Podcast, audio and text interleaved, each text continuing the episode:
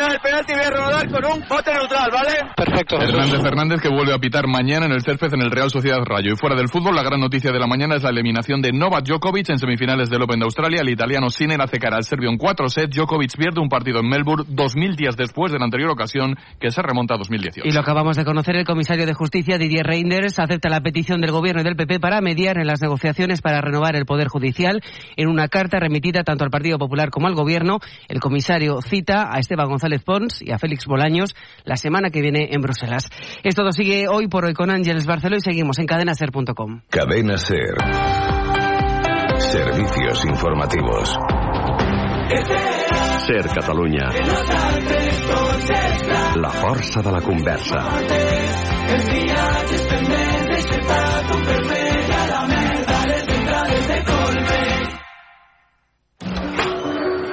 Hola, ¿venden este local? En principio no se vende, ¿no, Juan? No, pero bueno, a ver, díganos, ¿sabía que esto antes de ser una franquicia de hamburguesas era una biblioteca? Algo habíamos oído. Pues me gustaría que volviese a serlo. ¿Y qué piensa hacer? Convencerles. Este viernes 26 de enero, Euromillones sortea un bote especial de 130 millones de euros. Euromillones. No hay nada más grande. Loterías te recuerda que juegues con responsabilidad y solo si eres mayor de edad. Los ofertones de fin de semana de Alcampo. Salmón 2-3 kilos por entero o medios por solo 10,49 euros el kilo. ¿Qué? ¡Wow! En tu tienda web y app alcampo.es. Oferta disponible en Península y Baleares. Ser Catalunya. La força de la conversa. Ràdio Manresa, 95.8 FM, 1539 on a mitja, cadena 100.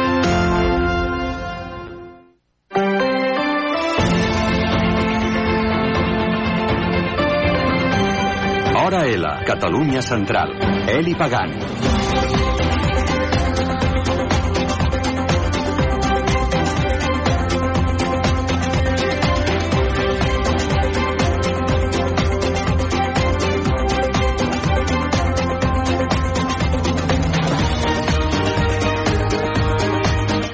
Hola, què tal? Molt bon migdia. Comencem. Avui passen 7 minuts a les 12, 9 hora L, divendres 26 de gener d'aquest 2024. Tenim sol i avui, hores d'ara, tenim 11 graus al centre de Manresa, a Sant Domènec. De fet, començarem parlant amb l'Arnau Graner, amb el nostre meteoròleg, Parlarem, doncs, d'aquestes altes temperatures que estem visquent aquests dies, sobretot les màximes. Al matí fa fresqueta.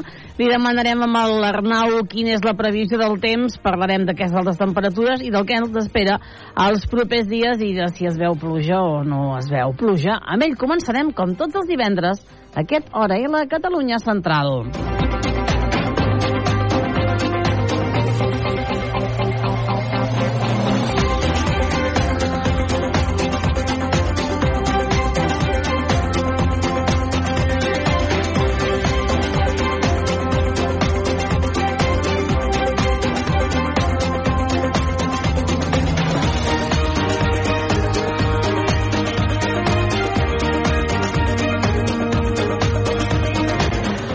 Avui també nosaltres tindrem l'agenda esportiva que ens fa el nostre company, el Carles Joder. Farà repàs, doncs, el que és, com es presenta esportivament aquest cap de setmana.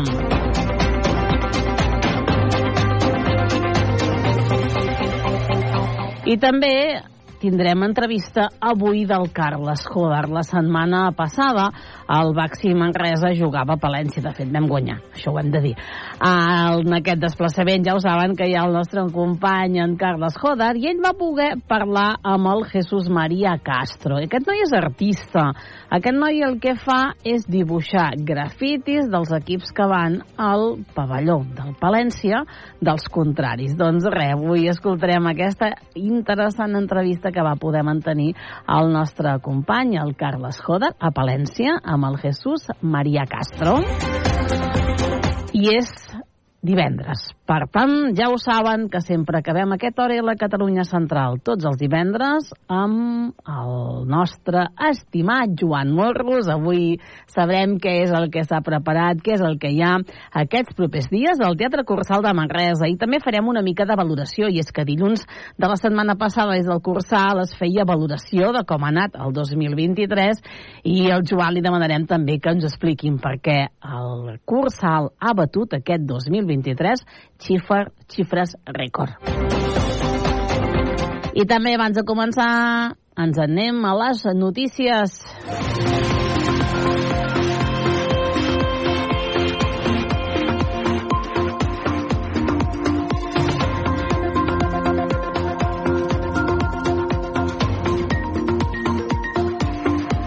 I els volem parlar de la plataforma de la gent gran i aquesta macroresidència del carrer Concòrdia de la capital del Bages. Ja ho saben que la setmana passada, de fet, en vam fer notícia.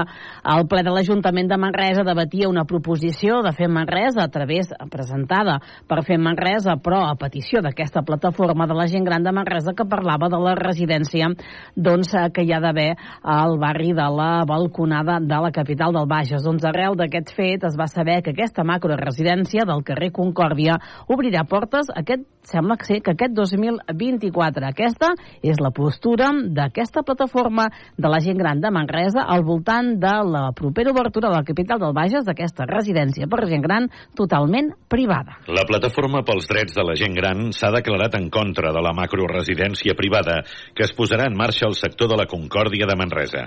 Una residència de 195 places valorada en uns 15 milions d'euros que l'Ajuntament va anunciar anunciar en el darrer ple que es desencallarà després que l'equipament, nou de trinca, quedés aturat fa un temps a causa de la fallida de la multinacional Orpea. Per a Víctor Feliu, responsable de la Plataforma pels Drets de la Gent Gran de Manresa, el millor és la residència pública que ja fa temps que reivindiquen pel barri del Xup i no aquesta macroinstal·lació privada. Sí, nosaltres som contraris amb aquestes macroresidències perquè, a més a més, amb les reunions que hem tingut amb la Generalitat i també l'Ajuntament, sempre som partidaris de que aquestes residències com a màxim han d'acollir a 100 persones per tal que la relació i el tracte sigui més humà. I a part d'això també la Generalitat està en un projecte que en diuen unitats de convivència. Unitats de convivència, que aquest és el projecte que nosaltres sempre hem discutit amb l'Ajuntament quan parlem de la residència pública al barri del Xup. La plataforma va presentar dijous passat una moció al ple de l'Ajuntament on demanaven que es desencallés el tema del projecte de la residència del Xup, feta amb unitats de convivència, tenint en compte que ja es disposa de l'espai però la plataforma tem que s'hagi pactat no fer la pública per ajudar a tirar endavant la privada. Això és el que ens preocupa. Evidentment, nosaltres venim habitualment per aquí i mai havíem vist que hi hagués llum. És a dir, que aquesta residència també ja fa un parell d'anys que està eh, acabada i mai hi havia hagut moviment. I ara ens sorprèn doncs, que hi hagi llum, que hi hagi moviment. D'alguna manera ve a confirmar el que la regidora de gent gran, el ple municipal, va informar de que es desencallaria doncs, aquesta residència. Nosaltres estem totalment en contra, per descomptat, perquè si la Generalitat està en contra de les macroresidències i a més a més legisla perquè siguin com a màxim per a 100 persones, evidentment entenem que no els hi pot donar que no els hi pot donar doncs, la llicència d'obertura per aquest servei. De fet, coincidint amb l'anunci que va fer l'equip de govern de Manresa, aquesta residència, que ha estat dos anys abandonada, ara sembla que s'hi comencen a moure les coses. 224 estudiants de secundària comparteixen a Manresa, competeixen, perdó, a Manresa per la desena Copa Cangur de Matemàtiques, una Copa Cangur que va tenir lloc ahir dijous. 224 estudiants de secundària van competir aquest dijous a Manresa per la desena Copa Cangur de Matemàtiques. Dividits en 32 equips, formats per 7 estudiants de secundària, cada grup, es van trobar al Museu de l'Aigua i el Tèxtil de Manresa en la primera fase de la desena Copa Cangur, un concurs organitzat per la Societat Catalana de Matemàtiques i adreçat als alumnes d'ESO. Eh, molt bé, molt entretinguda i a sobre com l'hem guanyat teníem un, un bon equip, ens compenetraven bé i jo crec que m'ha agradat molt l'experiència. eh, bueno, hi havia exercicis molt difícils com el 9 i el 12 que al final ens hi hem, ens hi hem hagut de, de ficar tots i doncs ja al final pel 9 hem trobat la solució i jo crec que ha sigut el que ens ha donat la victòria. Depèn de quin sí, perquè eh, eh, o sigui, et feien treballar en grup perquè cada un trobava una petita cosa però ho havies de posar tot en comú. Llavors, clar, costava.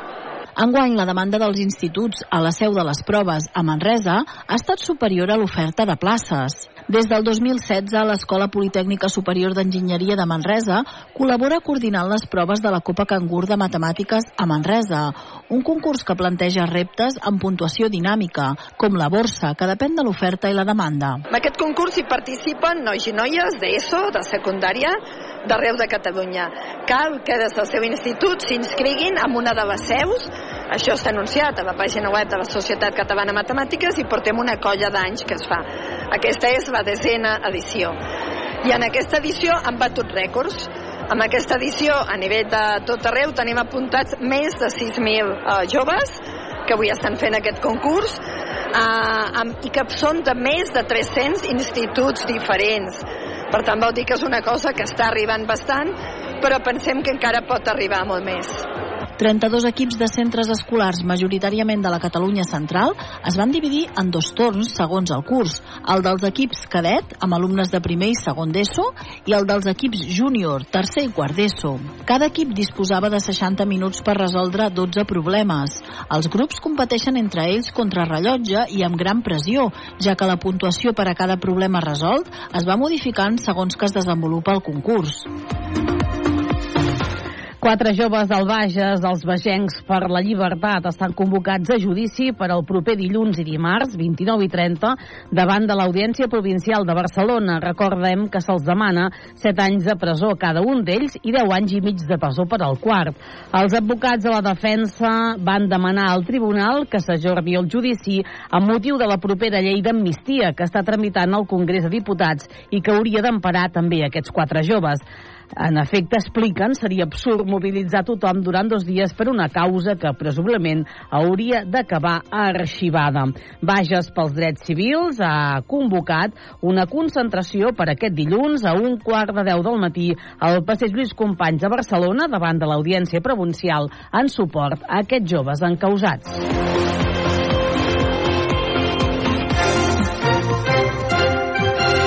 Anem per les portades. Comencem amb el diari Regió 7, que parla, en la seva edició digital, de la C55. Recorden el primer acord parlamentari per desdoblar el tram sud de la C55, un acord que compleix 25 anys.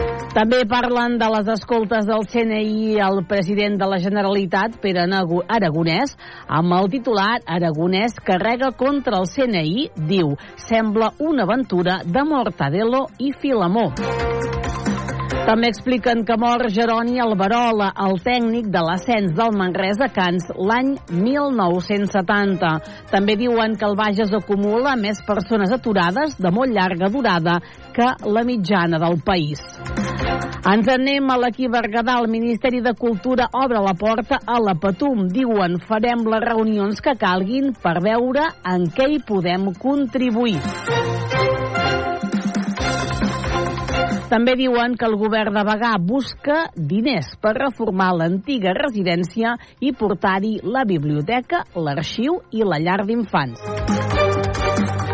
Continuem aquest repàs anant fins al Nació Digital Solsona, que expliquen que Andreu Claret presenta Solsona París érem nosaltres i que el grup de natura del Solsonès recomana fer a l'hivern la neteja i la reparació de les caixes niu. Moltes espècies que fan que les fan servir construeixen niu sobre niu fins que les caixes queden completament plenes. I acabem aquest repàs anant fins la comarca de la Noia, anant fins a l'infonoia.cat, que destaca en portada que la biblioteca de Masquefa es bateja amb el nom de Carme Junyent i serà un espai per recordar i explicar la seva figura. I també diuen que la ciutat d'Igualada va consumir l'any 2023 un 16% menys de l'aigua permesa.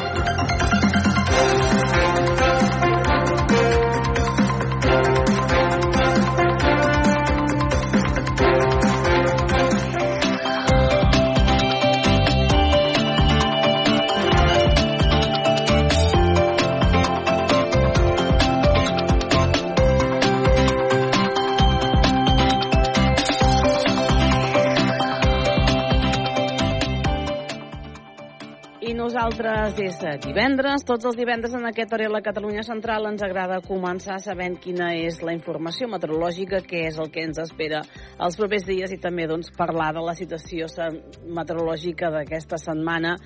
Ben inusual eh, per vist que estem a mes de, de gener amb les altes temperatures que hem tingut i no sé si continuarem tenint aquests dies. Per això avui nosaltres, com sempre, donem la benvinguda al nostre meteoròleg, a l'Arnau Graner. Arnau, què tal, com estem? Hola, què tal? Molt bon dia. Doncs aprofitant eh, la sensació d'hivern a les nits, perquè durant el dia sembla que la cosa no es vol assemblar gaire eh, al mes de gener, diguem. Es s'ha complert aquesta setmana ben bé el que, el que vau, no? el que ens va explicar l'Arnau la setmana passada i ens va dir que a partir de dimecres, és a dir, que tindríem una setmana tranquil·la meteorològicament parlant, que tindríem fred, però que als migdies eh, aquestes temperatures pujarien i és el que ha passat. Aquests dies hem tingut màximes, no et sabria dir aquí Manresa, si de 17-18 graus de, de temperatura i segurament algun punt de la Catalunya central en què, en què s'ha pujat més, però hi havia temperatures, no me recordo quin lloc, bestials, podríem dir-ho així. És que no sé quina paraula és la millor que podríem fer servir per aquestes altes temperatures que algun punt de Catalunya ha arribat aquesta setmana. Sí, sí, de fet, ahir van ser el rècord de, de, el dia més càlid, diguem, durant el dia sobretot. Vam tenir màximes a Catalunya de fins a 25 graus i mig a tota la zona de les comarques de Girona, però en especial la comarca de la Selva i la comarca de la Garrotxa. Màximes, això, el que dèiem, de 20, 23 a 25 graus i fins i tot a Mieres hi ha una estació meteorològica que és, uh, no és oficial, però sí que està ben col·locada, està ben uh, aïllada, és a dir, que la dada que dona és uh, oficiosa, mm, va arribar a una màxima de 27 graus com a 2. Per tant, estem parlant de temperatures totalment uh, fora de lloc i és que temperatures superiors als 20 graus és molt car, molt rar de veure durant el mes de gener, que sol ser el mes més fred de tot, uh, de tot l'any.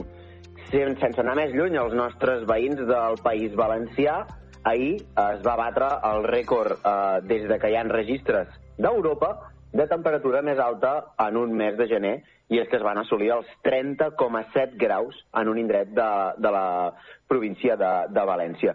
Estem parlant de temperatures realment que, mm, evidentment, no són habituals per l'època de l'any, però bé, eh, ens ha tocat viure en un període d'escalfament i escalfament molt accelerat i ja veiem que aquest patró d'anticicló realment molt potent és habitual que hi hagi l'anticicló al, al gener, és uh, totalment normal, és una cosa que tota la vida ha passat.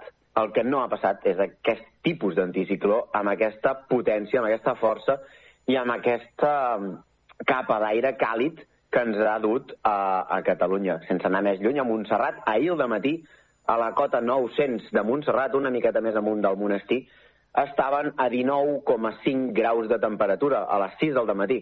Estem parlant d'una temperatura que ens recorda a, la, a, a ple mes de maig. Uh, ben bé, uh, qualsevol dia de maig podríem tenir aquests registres. Bé, és el que ens, ens ha tocat, és el que tenim. Uh, ahir aquest matalàs càlid va tocar sostre, màximes que també a alta muntanya van arribar als 17 graus a la cota 2000 de Núria, i fins als 14 graus a la cota 2.500, 2.400 i escaig del Cadí, de la Serra del Cadí. Impressionant, mm, realment una situació eh, mica, que fa mica d'angúnia des del meu punt de vista, però bé, és el que ens toca, per sort no la tornarem a repetir avui, tot i que aquest anticicló no ens vol deixar fins ben bé uns quants dies més, Eli. Ah, Jo crec que era aquesta setmana que ho posava l'Arnau amb un tuit a la xarxa que deia si aquesta situació que ha passat aquesta setmana l'haguéssim tingut el mes de juliol, estaríem parlant de temperatures bèsties de juliol, eh? d'aquelles de, de temperatures també molt altes.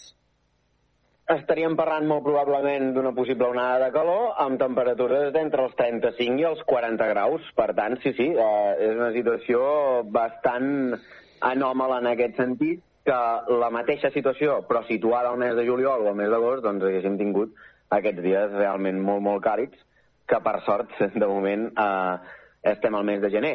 Què és el que ens crida l'atenció de tot plegat?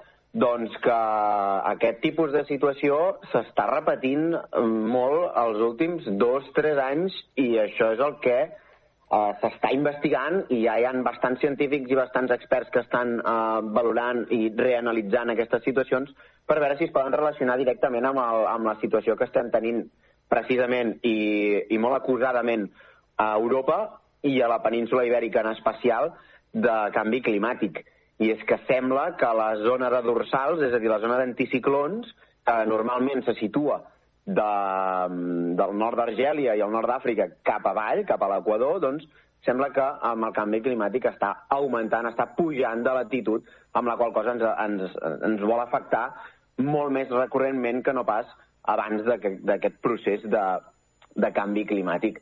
Uh, és una realitat, és una preocupació dels experts i és una especial preocupació per tota la gent que estem habitant aquí a la península ibèrica, perquè això voldria dir que és una prolongació de, del nord d'Àfrica i això és molt perillós dir-ho i és molt perillós que succeeixi perquè podem tenir aquestes pluviometries dels darrers 3 anys de 200, 300, 400 litres per metre quadrat i això és una pluviometria de, de zona desèrtica. Per tant, eh, bé, mm, s'està estudiant, s'anirà analitzant, però els indicadors, bueno, no és per alarmar ningú ni és per l'estil, però sí que la realitat és la que és i va bé explicar-la i que els oients doncs, coneguin que això és així. Um, de fet, estem aquest llindar, no? El govern ha endarrerit aquesta, no, d'aquests darrers dies uh, una setmana, eh? Uh, la declaració d'emergència per sequera, però això està al caure. Bé, és que, de fet, jo almenys personalment no entenc com no s'ha activat encara, no s'esperen precipitacions, Um, llavors, bé, mm, suposo que entenc que les desalinitzadores estan funcionant totes i al 100%, això afavoreix molt a que l'aigua de, dels pantans doncs, es pugui anar racionalitzant molt millor i la gent que vivim a l'interior de Catalunya, que vivim d'aquests aquífers, d'aquests pantans, de tota aquesta aigua que, que per sort encara podem obtenir, doncs eh, puguin allargar-se en el temps. No és el cas de la costa, que la costa sí que es viu més de, de l'aigua aquesta desalinitzada, que també, per sort, doncs, eh, es pot produir. Abans comentaves, Ari, eh, el, el tema de les temperatures de Manresa concretament, sí. l'estació de l'AEMET, sí. l'estació meteorològica de l'AEMET, que se situa a la Casa de la Culla, tant el dia 24 dimecres sí. com el dia 25, ahir, es va assolir una màxima de 20 graus. Uh -huh. Per tant, eh, vam assolir aquests 20 graus que, com comentàvem abans, rarament s'assoleixen al mes de gener, i és que l'estació meteorològica també d'Artés, ahir va assolir una màxima de 20 graus, que és la temperatura mm, del gener més alta dels darrers 18 anys, que són les dades de què disposa aquesta estació meteorològica. Es va instal·lar l'any 2006, doncs des d'aleshores no s'havia assolit aquesta temperatura. Per tant, estem parlant d'una situació poc habitual, no et sabria dir si realment és excepcional o no a la nostra comarca. Què ens espera llavors? És a dir, Avui tenim un dia tranquil, també, que de fet és el que hem tingut cada dia de la, de la setmana. Hem tingut allò més o menys núvols, potser al matí o això. El boires també n'hem tingut, no?, aquesta setmana a la, a la Catalunya central. Crec que a Lleida no hi veien, per exemple, em sembla que era un dia d'aquells, per exemple, d'anar amb lot per la ciutat de, uh, de Lleida. Però què és el que ens espera? Avui, al cap de setmana, la mateixa tònica, però baixant les, les temperatures una mica mica més atemperades? Això sembla, Eli. Sí que aquest anticicló es vol anar debilitant mica en mica, molt poquet a poquet, molt poquet, a poquet cada dia tindrem uh, un grau o dos menys de temperatura màxima, això vol dir que si ahir vam arribar als 20 graus, avui probablement assolirem els 18 o 19 graus. I així serà progressivament, sobretot de cara, de cara al cap de setmana i la setmana vinent, un anticicló que anirà clarament en, debilitació, en debilitament, però que tampoc permetrà el pas de línies frontals ni de situacions favorables a, a pluja. Això sí, les nits cada dia tornaran a ser cada vegada més fredes, glaçarà pràcticament cada dia, però el que comentàvem, a pluja no n'esperem, per tant, sol, boires, nits i matinades amb glaçades força extenses a partir de dilluns sobretot, i la resta, eh, temperatures positives, i el que dèiem, sol, i a la zona de Lleida també boires. No és descartable que en algun indret d'aquí a, a la Catalunya central i plana de Vic doncs eh, hi hagi alguna boira matinal, sobretot ja de cara a la setmana vinent. No esperem més canvis i a més llarg termini sí que el que podríem dir és que no veiem una situació ni de pluja ni de gran baixada de temperatures, ans al contrari, l'anticicló sembla que, per descomptat, ens, ens acompanyarà fins a finals d'aquest mes de gener, però és que els primers 10 dies de febrer tampoc veiem cap situació que ens pugui eh, portar o aportar situació de, de pluja general, que és el que necessitem, per tant podem dir ja que fins pràcticament el 10 de, de febrer no tindrem cap mena de, de moviment meteorològic interessant, més que sol, boires, alguna, algun dia tindrem sí una miqueta d'entrada de vent de nord, però fruit, fruit del mateix anticicló, que això sí que podria fer baixar un palet les temperatures, sobretot a, a alta muntanya. Aquesta és la situació que esperem i val a dir també que eh, seguint el fil que estàvem comentant abans de tot, a, tot això del, del canvi climàtic, això tot això no implica que puguem tenir més d'hora que tard, molt probablement, una situació d'uns dies, fins i tot setmanes, fins i tot mesos, de pluges molt seguides, molt constants, una època de pluges, diríem, i és que aquest, aquest clima on estem nosaltres, el clima mediterrani, també és típic de que les sequeres poden ser molt llargues, però també podem tenir períodes amplis de, de pluges i, i, i situacions bones per, per poder recuperar tot plegat. Ara bé, no sabem ni quan vindrà ni quina serà la freqüència d'aquest tipus de situacions, però sí que podem afirmar que tenir més calor no implica menys pluja, tot i que últimament sembla que sigui així. El que sí que es compleix és allò que el gener i el febrer de moment s'està complint, malauradament són els mesos doncs, més secs de l'any, pel que fa a pluges. Uh, normalment són el desembre i el gener. A partir del febrer la cosa comença a canviar. Mm -hmm. uh, normalment el febrer és un, és un mes on les entrades fredes, possibles uh, pluges, són molt més freqüents, però en especial a partir del mes de març, abril i maig són els mesos que més sol ploure, juntament amb octubre i novembre, aquí a, a casa nostra i a la Catalunya central també uh, en especial. Per tant, uh, desembre i gener sí que són secs, el febrer, en teoria, hauria de començar a ser una mica més dinàmic i aportar-nos ja més uh, situacions de pluja, però sobretot de neu, al Pirineu, tot el Pirineu en general. Per tant, a veure com, com se'ns comporta després d'aquests primers 10 dies i en seguirem parlant. Doncs esperem que apareguin les, eh, les, les esperades pluges en algun moment o altre. Avui, novament, nosaltres li agraïm a l'Arnau Graner que un, dimen, un divendres més ens hagi volgut acompanyar en aquest hora. L'Arnau, moltes gràcies. Moltes gràcies a vosaltres i que tingueu molt bon cap de setmana. Igualment, bon cap de setmana.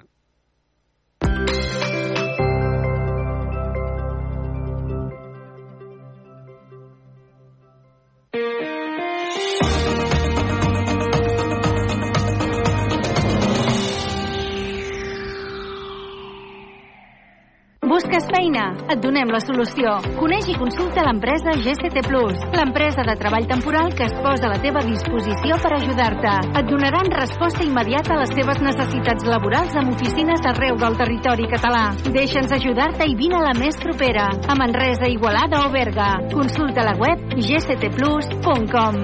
Empresa col·laboradora amb el Miliarum Montserrat 2025.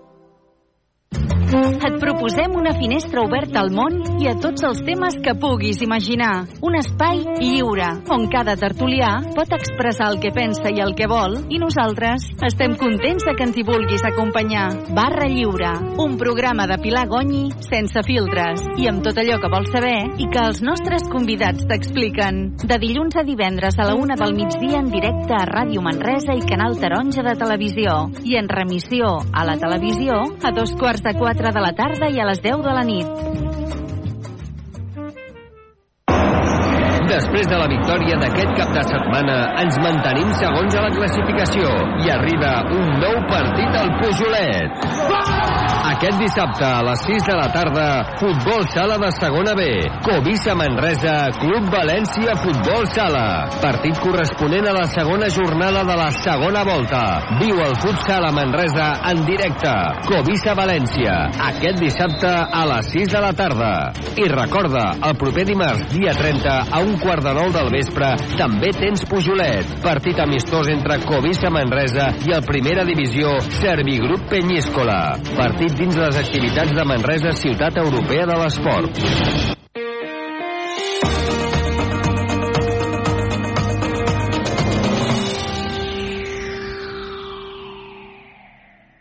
No serà un partit fàcil el que enfrontarà el Baxi Manresa davant el Breogan a partir de tres quarts de nou del vespre de dissabte al Congost i que correspon a la Lliga ACB de bàsquetbol. El Baxi Manresa lluita per estar a la part alta de la classificació, mentre que el Breogan ho fa per no baixar, cosa que encara que pugui semblar contradictòria, en realitat el fa un equip més perillós. El partit el podreu seguir en directe a la sintonia de Ràdio Manresa. En Lliga EVA de bàsquet, aquest dissabte el Navàs rep la visita del Ciutat d'Inca a dos quarts de sis de la tarda.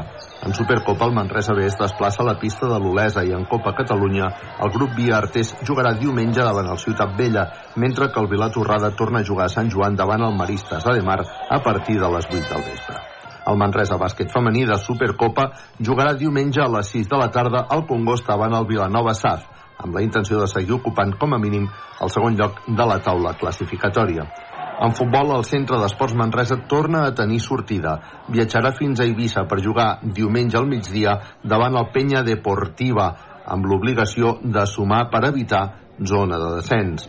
En primera catalana, el Joanenc rep el Sant Cugat dissabte a les 4 de la tarda, en partit molt important per al Joanenc per intentar sortir de la zona de descens, mentre que la Pirinaica jugarà diumenge al camp del Martinenc. En futbol sala, el Covisa Manresa rep el Cué València al Pujolet el dissabte a les 6 de la tarda. Els de Cachinero volen continuar ocupant com a mínim el segon lloc de la taula classificatòria de la segona divisió B.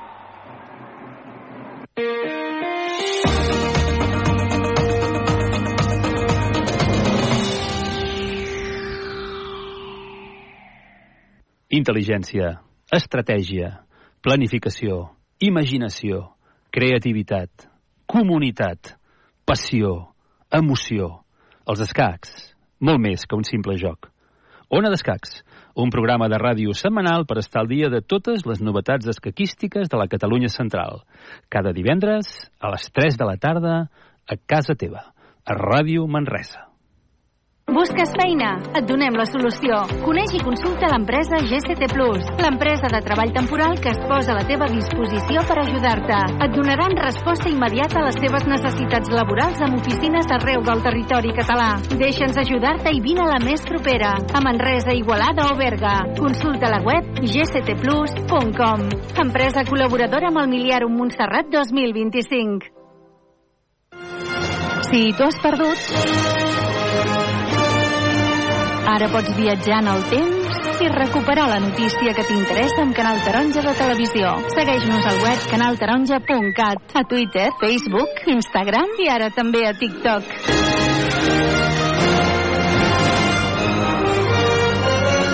Busca'ns. De Canal Taronja Televisió al món.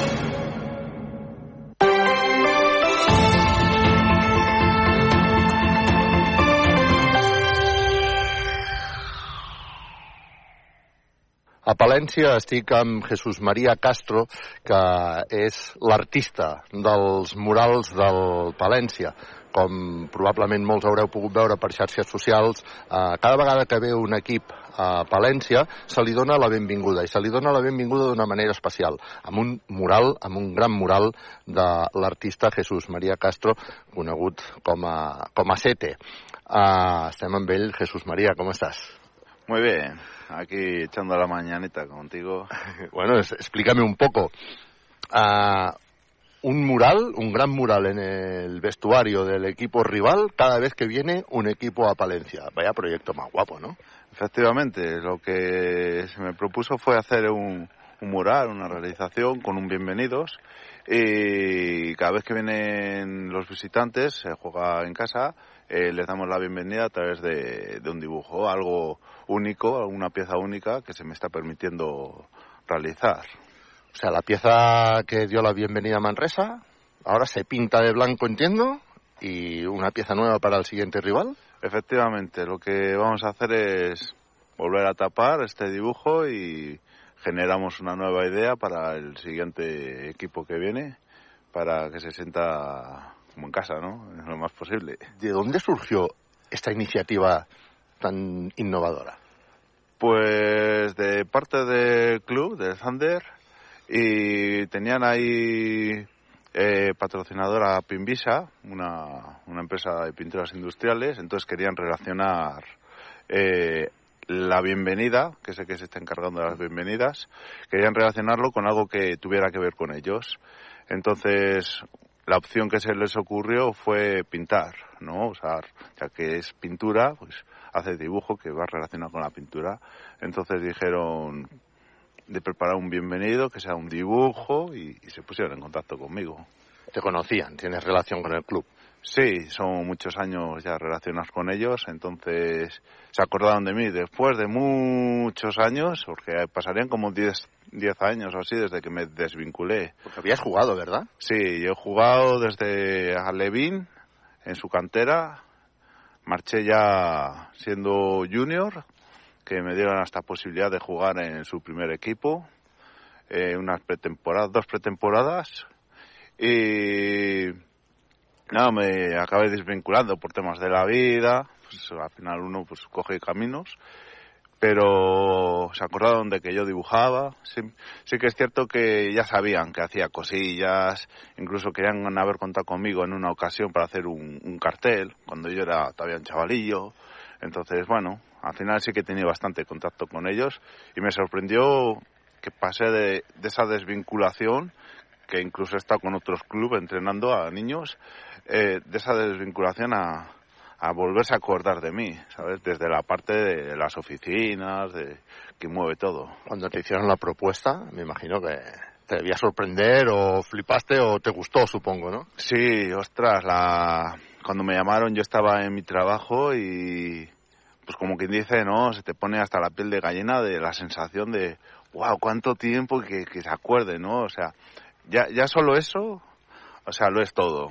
Lo es Pin- todo. Pintar es tu hobby, no es tu profesión. Pintar es mi hobby donde procuro irme buscando un camino. A día de hoy todavía no le echo las ocho horas diarias que puedo echar en, en, mi, en la fábrica, ¿no? En mi trabajo principal. Entonces, de momento es mi hobby donde busco un camino. Luego analizamos un poco más también todo, todo este proyecto, pero vamos a hablar del de, del de Manresa. Am, mucha gente se ha sorprendido. Una mujer, es una cheerleader, ¿verdad? Es una cheerleader, sí. Ya lleva tiempo dando vueltas al, al hecho de cómo meter, cómo incluir a una mujer en, el deporte, en este caso femeni- eh, masculino, porque al final la liga esta en la que en la que se me ha metido el proyecto es masculino, pero si- siempre hay una afición femenina. Y yo decía, vale, hago un- una afición femenina, pero ¿qué hago para que sea afición? Pongo una bandera, le puedes poner una gorrita, le- y ya indagando un poco, como antes de iniciar el dibujo, pues vi que indago, busco información y vi que tenían cheerleader. Y dije, pues ¿por qué no una cheerleader? ¿No? Que podía ser un cheerleader, pero dije, bueno, quiero trabajar una parte femenina y metimos una cheerleader. El dibujo es de un colega tuyo, además, ¿no? De, la cheerleader me has explicado que, vas buscando colaboradores de, colegas tuyos pintores. Eso es. En esta ocasión, yo, eh, la cosa es que como el club confía en mi trabajo, me están dejando libertad. Entonces, yo con esa libertad, lo que estoy haciendo es cambiar todo. Intento cambiar tanto la tipografía como la propia imagen, aunque al final todo lleva un esquema. Que si os fijáis es un muñeco, bienvenido, escudo ¿vale? Pero claro, lo interesante está en, dentro de ese esquema, de esa base, modificar, jugar, ¿no? Que haya cosas nuevas. Entonces, cada vez voy haciendo cosas distintas y tengo amigos, artistas, ¿no? Se puedan dedicar o no al tema del arte. Entonces, en esta ocasión conté con un amigo de Valladolid, eh, Firme, y es la que se hizo, en este caso, el personaje de la cheerleader y así podré luego contar con más artistas, amigos para siguientes, que puede ser el siguiente como, como dentro de varios. Entonces, pero sí, voy, procuro, procuro cambiar, ¿no? ¿Cómo reciben los clubs uh, y los equipos tus, tus pinturas? Pues siempre agradecidos. Sí que es cierto que cuando el equipo visitante llega, si llega el día anterior al partido, se nota más el agradecimiento, ¿no? Porque hay tiempo de que se puedan tomar alguna foto. Y cuando ya llegan justo para el partido, se nota más por red social, simplemente, ¿no? Pero de la otra manera, aunque es por red social, pero ves algún jugador, ¿sabes?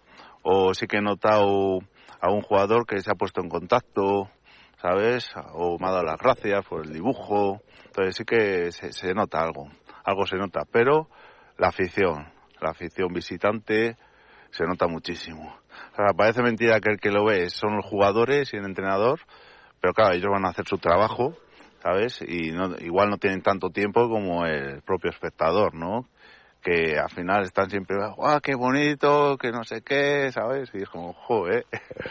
¿Y en Palencia? ¿La gente de Palencia cómo lo, lo conoce esta, esta tradición? Claro, es muy, es muy para dar la bienvenida al equipo de fuera. ¿Se conoce en Palencia la tradición? ¿Te notas que la gente conoce, empieza a conocer tu trabajo o no? ¿O pasa más desapercibido? Pues ya, ya empiezan, ya empiezan a, a conocer, ¿no? Al final sí que se va moviendo por redes, que es el gran escaparate. Entonces la gente ya empieza a, a verme y a, incluso a reconocer, ¿no? Que, quién soy. O gente que sabía que pintaba, pero no sabía que yo estaba haciendo eso. Conocían el proyecto, pero no quién lo hacía. Hasta que empiezan a ver fotos y dicen, ah, si era él. ¿Sabes? Entonces sí, sí que se va, se va conociendo y cada vez más. ¿Y cuánto rato te ocupa hacer cada uno de los murales? Lo que es el propio mural, desde que entro al vestuario donde estamos realizándolo, ahí me tiro unas nueve horas para hacer promedio. ¿Vale? Pues un día hacértelo antes como hacértelo más tarde debido a que igual tienes más detallitos. Pero cuando me preguntan, unas nueve horas. Y me imagino que también mucho trabajo de prospección de, de cada equipo, ¿no? Sí, ahí son otras muchas horas. ¿Por qué? Porque, claro, yo ya miro el equipo, y tengo que buscar información, tengo que ver colores, qué jugadores hay, porque igual que ya se pinta en una cosa en un jugador, igual me puede interesar pintar otro, ¿no? Porque pueda dar bombo. Al final esto, a más bombo, mejor para todos. Entonces, bueno, busco un poco qué tiene el club, qué aporta el club, qué colores usa, qué formas usa, qué tipografías usa, porque igual me puede interesar usar esa tipografía porque se vincula mucho. Entonces, ahí le he hecho muchas horas de búsqueda y en la que ya he hecho muchas horas de búsqueda empiezo a meter imágenes, empiezo a, a pensar, igual estoy en el trabajo y estoy pensando qué voy haciendo, para qué lado lo coloco, cómo lo hago, si hago esto, entonces luego lo plasmo y empiezo a modificar, porque algo no me convence. entonces ahí empiezo a echarle las horitas. ¿Estás aprendiendo mucho de baloncesto ACB? Sí, sí, sí, se va aprendiendo. Sí, además, jo, esto ha sido para mí como un, un, un retorno a ver partidos, porque igual que decía que estaba súper desvinculado, es que he estado desvinculado de todo tipo de deporte. Y ha sido como, wow, qué suerte ahora de, de, de volver, ¿no? Que parecía que no, pero se echaba de menos. Y es claro, vuelvo. O sea, ahora mismo soy como un niño pequeño aprendiendo. O sea, eso otra vez de nuevo. Utilizas varias, varias técnicas, ¿no? Graffiti debe ser una de ellas, entiendo. Sí, al final tampoco le, le pongo etiquetas. Esto sería como un mural porque está autorizado el graffiti, sería algo como más vandálico. Pero para entendernos vale lo que sea. Si tiene ese graffiti, porque estamos pintando con un spray en una pared, pues graffiti. El estilo tirar graffiti y ya está. Tampoco le di vueltas. Sete, un placer.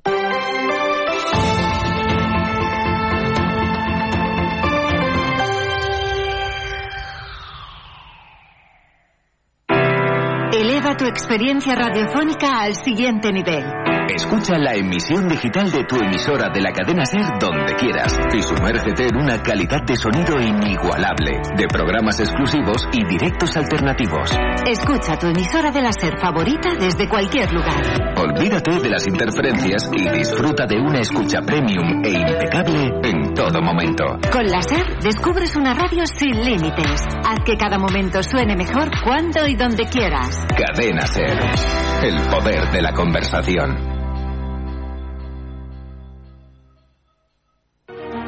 Els i les comuns han tingut un paper molt important a l'hora de desjudicialitzar la política. Per parlar sobre amnistia i el nou escenari que significa per Catalunya, organitzen un cicle de debats arreu del país i aquest divendres 26 de gener a les 7 de la tarda tindrà lloc una sessió a Manresa a l'espai Òmnium amb la presència de Jaume Sens i Jessica Albiach. L'acte estarà moderat pel periodista de Regió 7, Enric Badia. Ens agradarà molt comptar amb la teva presència. I esperem Després de la victòria d'aquest cap de setmana, ens mantenim segons a la classificació i arriba un nou partit al Pujolet. Aquest dissabte a les 6 de la tarda, futbol sala de segona B. Covisa Manresa, Club València Futbol Sala. Partit corresponent a la segona jornada de la segona volta. Viu el futsal a Manresa en directe. Covisa València. Aquest dissabte a les 6 de la tarda. I recorda, el proper dimarts, dia 30, a un quart de nou del vespre, també tens Pujolet. Partit amistós entre Covisa Manresa i el Primera Divisió Servigrup Penyíscola. Partit dins les activitats de Manresa, ciutat europea de l'esport. Hora L, Catalunya Central. Eli Pagant.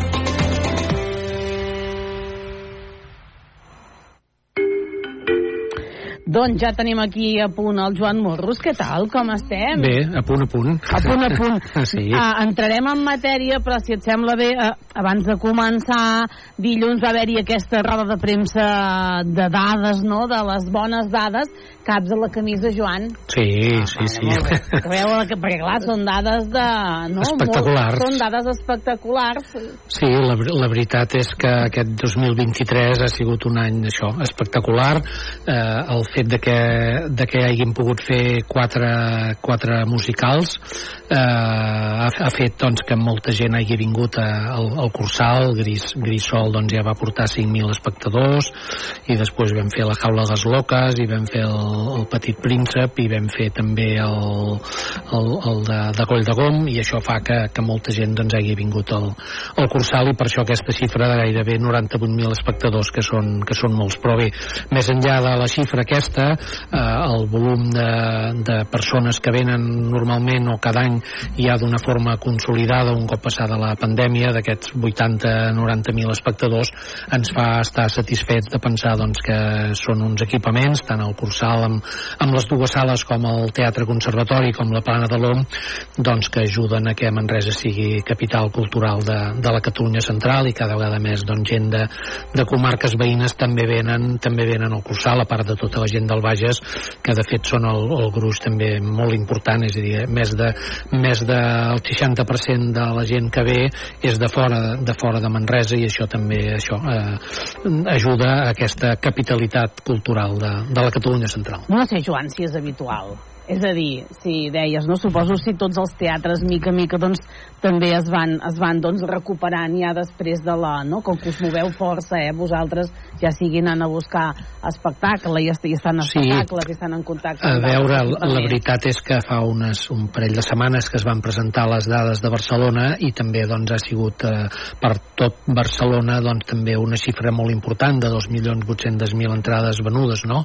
i això doncs, eh, demostra diverses coses, una que s'ha superat eh, el, el, el retraïment que hi ha hagut durant la pandèmia i al contrari la gent amb ganes de veure espectacles en viu i de socialitzar-se no? i això segur que, que ens repercuteix a tots els teatres no? siguin de Manresa o siguin d'altres poblacions de, de Catalunya eh, Manresa té l'avantatge del el fet de, de programar més d'una sala, doncs que la, la programació és molt àmplia i de programar no només el, els caps de setmana, sinó que també els dijous es programa i fins i tot alguns dimecres, eh, com l'òpera o la gent gran, i això fa doncs, que l'oferta que s'ofereix des del Cursal de, de més de 140 espectacles diferents doncs, eh, ajudi a que, a que molta gent trobi el seu, el seu espectacle, no?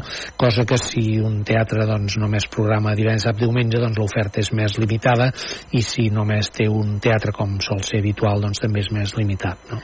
Ah, anem al nostre Exacte. perquè avui ja teniu, avui tenim música tenim sí, el Barcelona Gospel el Barcelona Gospel Messenger amb el, amb el Ramon Escalé i alguna sorpresa d'algun altre grup de gospel que apareixerà en algun moment determinat ah. s'han venut ja més de 600, de 600 entrades i per tant doncs, tothom que vulgui venir doncs, sap que, que s'ho passarà, que passarà bé al ritme de la música gospel en recordar que a última hora les entrades valen sempre a meitat de preu i això també és de bon, de bon aprofitar per la gent que decideix a última, a última hora doncs, de venir. I passem a que demà doncs, tenim aquesta estrena d'aquesta aquesta auca del senyor Esteve, una obra de teatre que han representat la majoria de grups de teatre amateur de tot, de tot Catalunya i que ara arriba doncs, el, el Cursal amb aquesta versió que es va anar forjant a TV3 amb, amb la, la puntual i de la qual demà a la tarda fem la primera de les funcions a les, a les 6 de la tarda i després a dos quarts de nou del vespre i encara per la gent que ens estigui escoltant, si no venen a Manresa poden anar a Berga el diumenge també a les 6, a les 6 de la tarda i en el nostre cas tenim dues entrades Molt reservades bé. per qualsevol d'aquestes dues funcions i queden algunes entrades per la de la tarda, eh, molt poquetes i algunes més per la sessió de dos quarts de nou Fem si et sembla fem la pregunta Doncs vinga, 93 872 26 37, 93 872 26 37. Com dèiem, les entrades són de l'AUCA del senyor Esteve a càrrec de la puntual de TV3. Obtindrà dues entrades per una de les sessions la primera persona que ens truqui i ens digui qui és l'autor d'aquest clàssic català. Qui és l'autor de l'AUCA del senyor Esteve. Sempre donem tres opcions.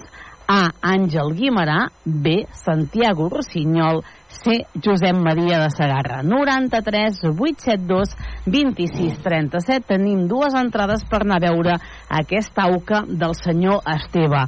I ens han de dir qui és l'autor. Si Àngel Guimarà, si bé Santiago Rossinyol o C.